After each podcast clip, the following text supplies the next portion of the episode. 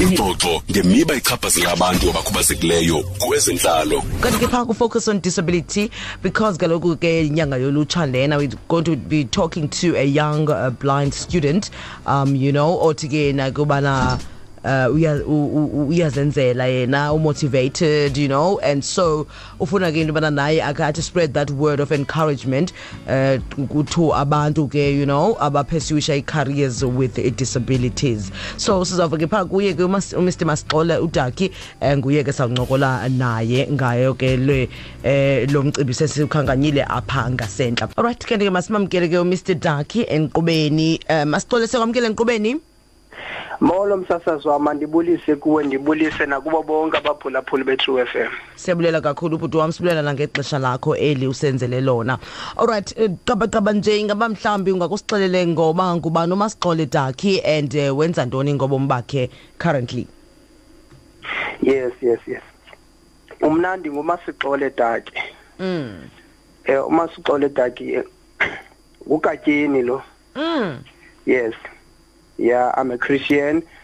Eh ngoku ndibhizi nobomi bami kwicandelo lomculo.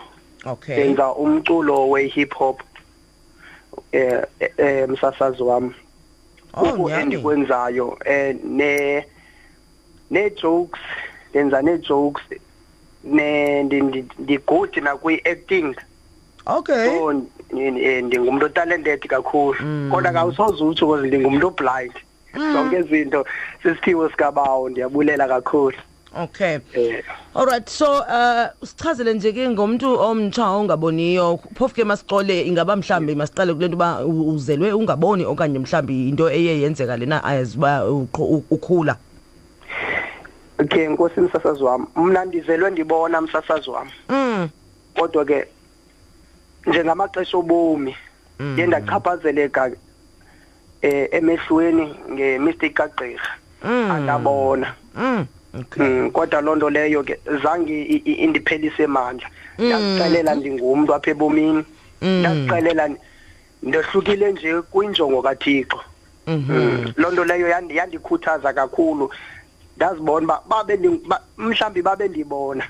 Ngendingumntu lapha phandle apha nam otshaya iziyobisi. Mm, mm. ngendingumntu nam orobha abantu. Kodwa ngenceba kathixo namhlanje ndi- ndiphantsi kephiko lakhe. Okay. So yintoni ekhuthaza umasixole eh yonke imihla le ekwenza into yobana uvuke phaa ebhedini uqonde into okokubana eh, this is me. Ndingumasixole daki and ready to face another day.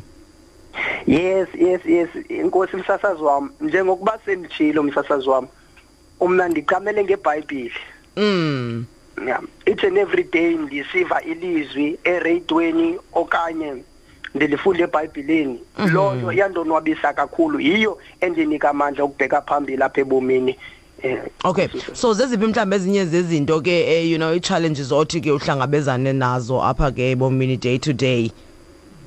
Inkosi msasazi wami hey zikho msasazi wami eh ndiqaphela into yokuba ii-communities zethu Mm. thina abantu abane-disability kusenzima kakhulu kuzo. Mhm.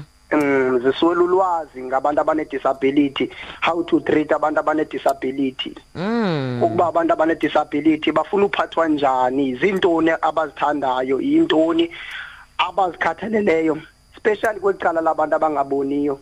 Kunabantu abaninzi abanabantwana abangaboniyo ababavalele ezindlini zabo abacinga into yokuba abanokwenza nto ngabo.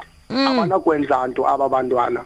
Mm. yes msasazi wami so sine-challenge ezinjalo msasazi wami kakhulu. Okay khawukutsho ke uba ungaba mhlawumbi lithini ilizwi ofuna ulishiya kulutshana njengoko ke sitshilo sathi namhlanje eh sicommemorate ke i-youth day. Eh ingaba mhlawumbi ufuna ubashiya nelizwi elithini ingakumbi ke aba bane-disability? Yes msasazi wami. Ndifuna ukuthi kulo lonke ulutsha oluphila ne-disability ndisitsho nakulutsha lonke general mm. Okokuqala zazi ba ungubani wena? Yeah ungazazi asoze uyazi apho uyakhona ngoba qala awuzazi wena. Mm. Okwesibini zazi ba ufuna ntoni? So that apha ebomini uhambe ngalo goal uyifunayo. Mm. Akho nto i- i- izawuma phambi kwakho xa uzazi ungubani kwaye ufuna ntoni. Jehova okugqibela menze uThixo abeyishelter yakho. Ngoba zikhona izinto ezizawuphazamisa. Yazi nemvula xa ungaphethanga umbrella msasazi wami mm. iyakunethela uyawufika endlini umanzi. Kunjalo ebomini naxa ungenathixo ngumuntu omtsha izinto zobomi zakubetha zikubethe ungabi na balance lapha ebomini. Yeah. kwaye ungazazi ungazethembi nawe. So kubalulekile into yokuba zazi ungubani zazi uyapi yes msasazi wami Masixole masibulele bhuti wami enkosi kakhulu wethu ngexesha lakho ulonwabela usuku lwakho. kubulela mna kubulela mna msasazi wami ndiyabulela kakhulu nakwi-true f m ngokundinipha ngokundipha eli xesha ndithe nkosi kakhulu. Ezentlalo 9 to 11 am monday to friday on true fm